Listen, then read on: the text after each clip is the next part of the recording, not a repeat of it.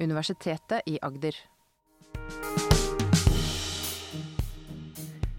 De skaper skinne, og de skaper frykt. De bor i Norge, Sverige, Danmark og andre demokratiske og fredelige land i Europa. De valgte IS og reiste til Syria for å delta i borgerkrigen der. Eller de blir med i andre radikale muslimske terrornettverk i Midtøsten. Er det religiøs overbevisning, fundamentalistisk islamtro og hat mot Vesten som får dem til å la seg radikalisere og gå inn i ekstreme organisasjoner, eller finnes det andre forklaringer? Og hvordan kommer de seg ut av det, hvis de gjør det, og er de da blitt avradikaliserte og ufarlige? Det er problemstillinga doktorgradsstipendiat Ragnhild Sørbotn ved Universitetet i Agder forsker på, bl.a. gjennom en rekke dybdeintervjuer med tidligere radikaliserte islamister.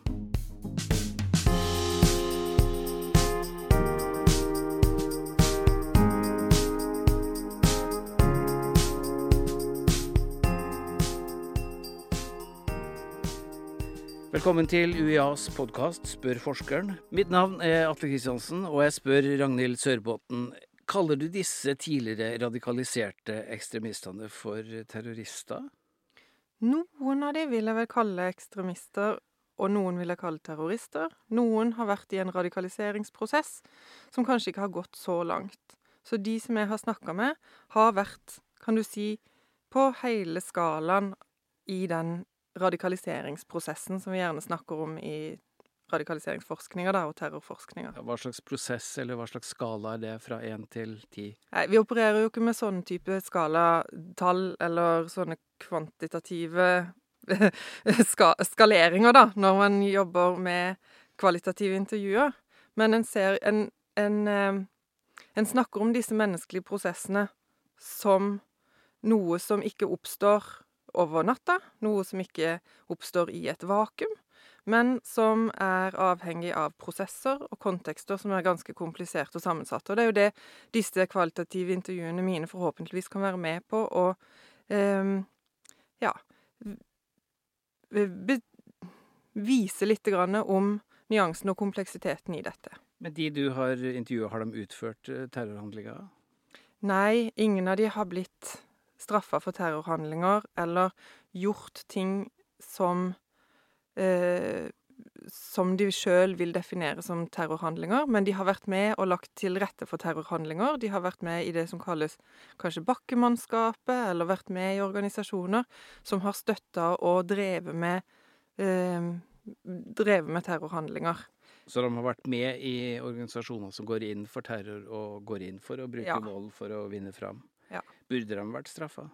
Ja, Det er jo et annet spørsmål. Det tør ikke jeg svare på. Lever, det... de, lever de i skjul for myndighetene, eller? Nei, de som jeg har snakka med, gjør ikke det. Men øh, øh, det er nok ikke sånn at myndighetene nødvendigvis vet hva de har vært med på. Hvilke organisasjoner er det de har vært medlem av, da? Det har vært litt forskjellige. Det er noen som har sin, sin eh, periode som ekstremister fra eh, så langt tilbake som på 90-tallet. Og så er det også organisasjoner som vi kjenner i dag, som heter IS, som heter Al Qaida, eksempel. Som de har vært eh, enten deltatt i de, de, gruppene med de navnene, eller eh, grupper som støtter opp om de politiske konflikter i Midtøsten.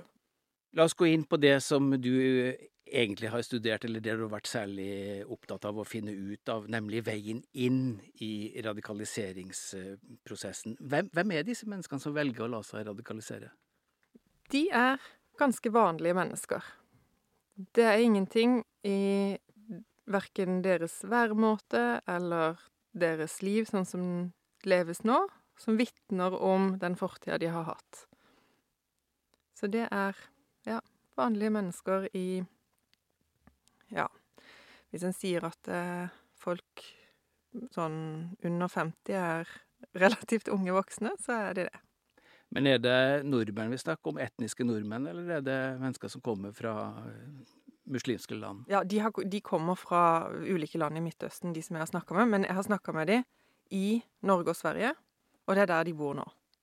Så når du sier de er vanlige, så betyr det at de verken er fattige, verken er ikke er uten jobb, ikke er ut, uten utdannelse, men, men, de klarer seg bra i Ja, samfunnet? dette her er ganske ressurssterke mennesker, vil jeg si.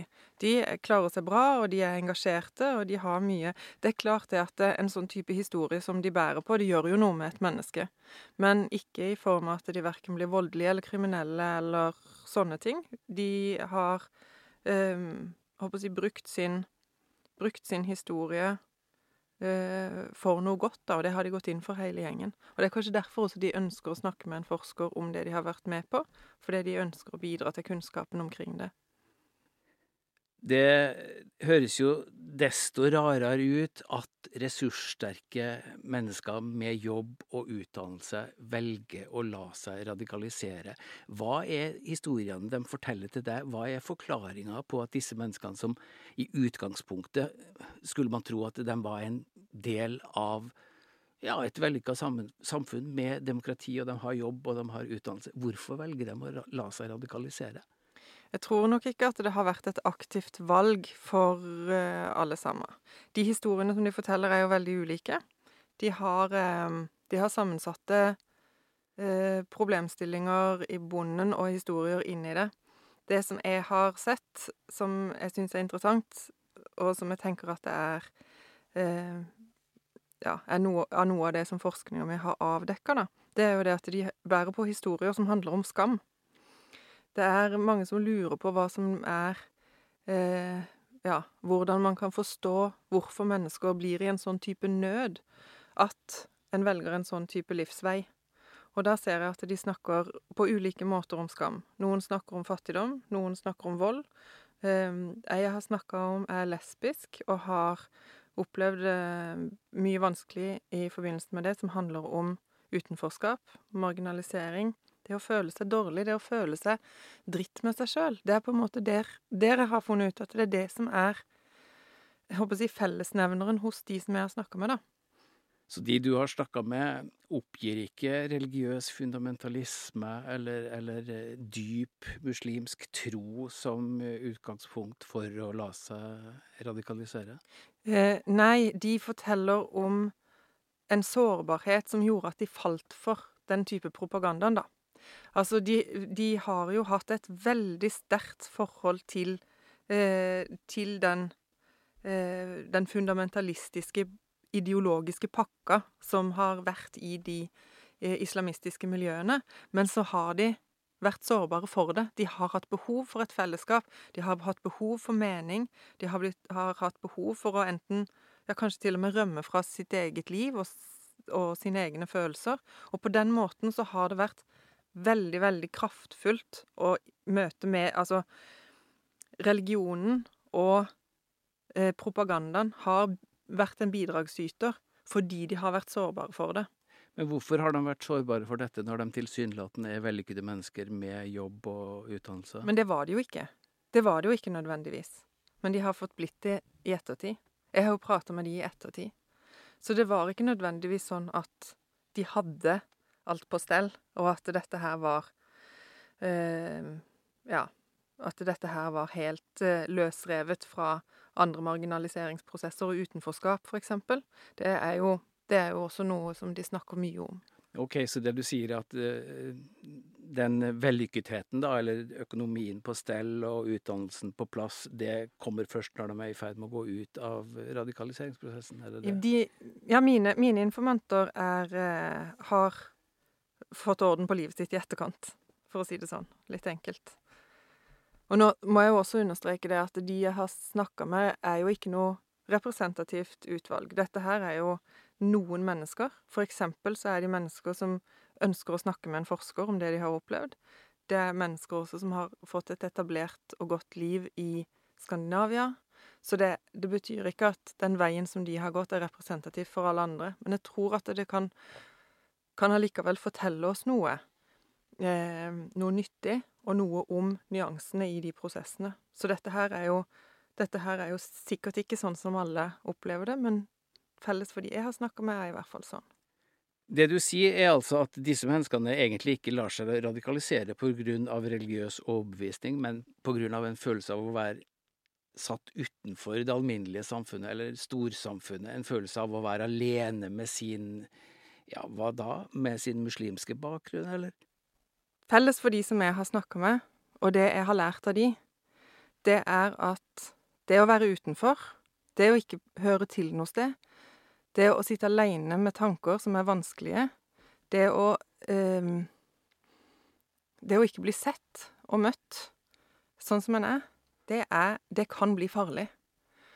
Og det er det de har vist meg, at Og det er det de har snakka om, at betydninga av relasjoner, og betydninga av det å være en del av noe som er større enn seg sjøl, og det å bli, eh, bli sett som enkeltmenneske, det er eh, forebyggingsnøkkelen, hvis du kan si det på den måten. Du tok feil, skrev du i en uh, artikkel i Aftenposten ganske nydelig, eh, hvor du tar litt selvkritikk på den hypotesen du gikk ut med. Du trodde nemlig at det skulle handle om fornuftsgrunner og religiøs overbevisning. Mm. Hva var det du fant isteden, og hvordan har folk reagert på dette i etterkant? Nei, altså det som, det som er De første samtalene jeg hadde, og før jeg begynte å gå inn i materialet, så, så de snakka jo mye om religion. De snakka mye om politikk, og de snakka mye om urettferdighet. Så, så disse, her, eh, disse her grunnene er jo selvfølgelig til stede. Eh, men jeg tok feil i forhold til det som en drivkraft i seg sjøl. Så det har eh, Og det ja, og det har jeg jo fått en del eh, forskjellige tilbakemeldinger på i etterkant. Og spesielt denne Aftenposten-artikkelen har jo fått en del eh, det, det, Den skapte litt debatt. Fortell om det. Hva er det folk har reagert på? Jeg tror nok at det er en del som ønsker at det skal være lett å identifisere farlige krefter. Og jeg tror nok at når man kompliserer bildet, så kan det være litt provoserende. Jeg tror at det ligger en del Jeg tror at vi har et samfunnsproblem som handler om at vi er redde for innvandring, og at vi er redde for eh, mangfold. For, fordi at urolighetene i verden preger oss. Mange av dine kritikere har vel pekt på at du på en måte frikjenner muslimsk eh, fundamentalisme og peker på andre sosiale og psykologiske grunner for at man lar seg radikalisere, er det ikke sånn? Ja. Det er klart at dette her er en vanskelig debatt. Veldig mange har sterke følelser. Man er redd for det som skjer med verden i dag. Det er store konflikter. Og vi ser at det mobiliseres både på islamistisk front og høyreekstremistisk front i verden, og en ser på en, en, Vesten som er urolig. Og dette preger jo selvfølgelig debatten omkring eh, hvordan vi skal forstå det som er farlig for oss. Og det, er, det, blir veldig polarisert, og det kan også bli ganske stygt. Og det er del, det er en del hets der, og det er en del steile fronter, og det er en del eh, det, ja, det, er, det, er, en vanskelig omland å navigere i, da. Så jeg har fått en del eh, kritikk, og min opplevelse er at det er mye av den kritikken som er styrt av frykt. Fordi vi ønsker å skylde på islamistisk trostolkning, og så er det mer komplisert enn som så. Og du har vel også egentlig pekt på at uh, det ikke hjelper for storsamfunnet å møte disse sårbare menneskene, da, som uh, er på jakt etter en eller annen mening og en eller annen sammenheng de kan stå i. Det hjelper ikke å møte disse sårbare menneskene med å ikke debattere med dem, og ikke forstå dem, og avvise at de har ja, iallfall reelle vanskelige følelser å stri med. Ja. Uh, jeg tror at den aller beste forebygginga heter empati. Jeg tror at det er i empatien og i samtalen og det å prøve å eh, engasjere seg hos hverandre, at det er der eh, det, er der, det er rett og slett der forebygginga har effekt. Og det er det vi sier, det er det jeg ser hos de som jeg har snakka med også, at det er når de har møtt mennesker som har brydd seg. De har ikke nødvendigvis trengt å være enige, men de har møtt dem med en, snak, en slags form for eh, menneskelig anerkjennelse, og ønsker de godt. Og, og, og, ja Det som jeg ser går igjen, det er den empatien. At en blir, en blir sett, og en blir forstått. Og det utfordrende blikket av, av empati som da blir med på å, og trekke de ut av de, eh, de dårlige spora, da, for å si det litt enkelt. Så for å forenkle ytterligere, de radikaliserte muslimene kommer seg ut av radikaliseringsprosessen og tilbake til oss andre, for å si det slik, ved hjelp av mennesker som ser dem, debatterer med dem, forstår dem og henter dem inn igjen. Ja. Hvordan har det gått med disse muslimene etter at de da er avradikalisert? For jeg går ut fra at det er ikke en prosess, det er ikke noe du gjør over natta. Og det er jo det. De jeg har snakka med, har det jo det fungert veldig bra på. Og dette her har jo vært eh, mennesker som har vært langt nede, og som har vært dypt inne i den, den ekstremistiske leveveien. Og så ser man at det finnes håp. Og så er det jo de jeg har tilgang på. Det er de jeg kan snakke med. Så det, finnes det veldig mange historier der som ikke jeg har hørt. Men akkurat disse historiene som jeg har hørt, forteller om håp. Og som forteller om at man skal aldri gi opp mennesker, og man skal aldri slutte å bry seg, og en skal aldri slutte å inkludere. Er du sikker på at eh, disse menneskene er avradikalisert? Ja. Ja, disse stoler jeg på. Jeg har blitt kalt naiv, og det er greit. Men disse stoler jeg på. Helt til slutt, eh, Ragnhild eh, Sørbotn. Disse som tidligere var islamister, hva er de i dag? Noen er eh, ateister. Noen er muslimer. Og eh, noen har vel sagt at de er Altså definert at de er eh, enten liberale muslimer eller ikke-muslimer, eller har Ja, så alle har på en måte posisjonert seg ganske eh, tydelig i forhold til, eh, til ja, religionen sånn sett, da. Så, men jeg, når jeg snakker om de i forskninga, og det de har vært med på, da kaller jeg de for islamister. For jeg syns at det er viktig å holde, holde styr på. Da sier vi takk til deg, Ragnhild Sørbotn. Takk for meg. Og så skylder vi eh, lytteren eh, å gjøre oppmerksom på at eh, Ragnhild Sørbotn fremdeles jobber med doktorgradsprosjektet sitt, og kommer til å fullføre det i løpet av året eller tidlig på nyåret. Takk. Du har hørt podkasten Spør forskeren fra Universitetet i Agder. Har du lyst til å stille forskerne ved UiA et spørsmål? Send en e-post til kommunikasjon krøllalfa uia.no. Universitetet i Agder.